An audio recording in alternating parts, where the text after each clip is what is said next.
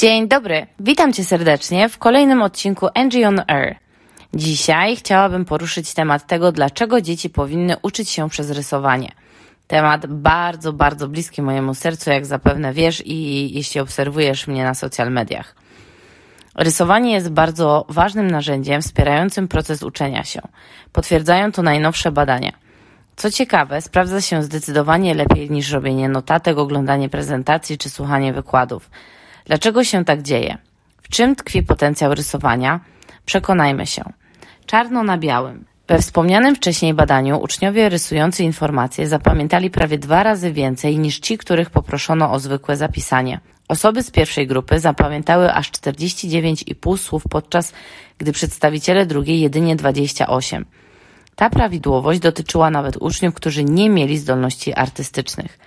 Błędem byłoby jednak sądzić, że dzieje się tak za sprawą wrodzonych predyspozycji do określonego stylu uczenia się. Analogicznie byliby to wtedy kinestetycy, wzrokowcy oraz słuchowcy. Jednak rysowanie nie jest skuteczne ze względu na to, że można je zakwalifikować do wzrokowego stylu uczenia, a zatem w czym tkwi sekret? Rysowanie daje więcej. Rysując, wykorzystujemy tak naprawdę wszystkie style uczenia się, łącząc najlepsze cechy każdego z tych potencjałów. Opiera się ono jednocześnie na kinestetycznej, wzrokowej i słuchowej strefie pracy ludzkiego mózgu. Każda informacja jest zatem przetwarzana w trzech różnych kanałach, tworząc więcej połączeń neuronowych. W ten sposób uczenie się jest wspierane bardziej niż kiedykolwiek. Czy można przenieść tą wiedzę na bardziej praktyczne aspekty pracy nauczyciela? Zdecydowanie tak. Jak włączyć rysowanie w proces nauczania? Można wymienić wiele przykładów na praktyczne zastosowanie rysowania na płaszczyźnie szkolnej i edukacyjnej. Szczególnie przydatne będą natomiast cztery poniższe sposoby, które możemy bez trudu włączyć w dotychczasowy tok zajęć. Podkreślanie trudnych zagadnień.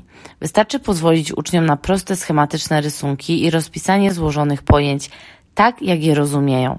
Niech robią to na swój własny, czasem niedoskonały sposób.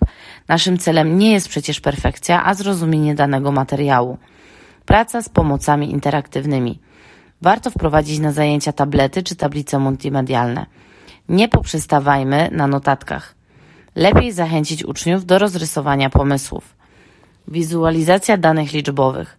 Niech uczniowie zgromadzą, przeanalizują, a następnie wyrażą zdobyte informacje.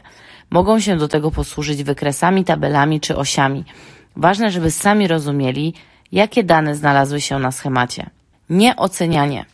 Powstrzymajmy się przed oceną artystycznego poziomu rysunków wykonywanych przez uczniów. Pokonanie wewnętrznych blokad przed uczeniem się w ten sposób musi być wolne od oceniania.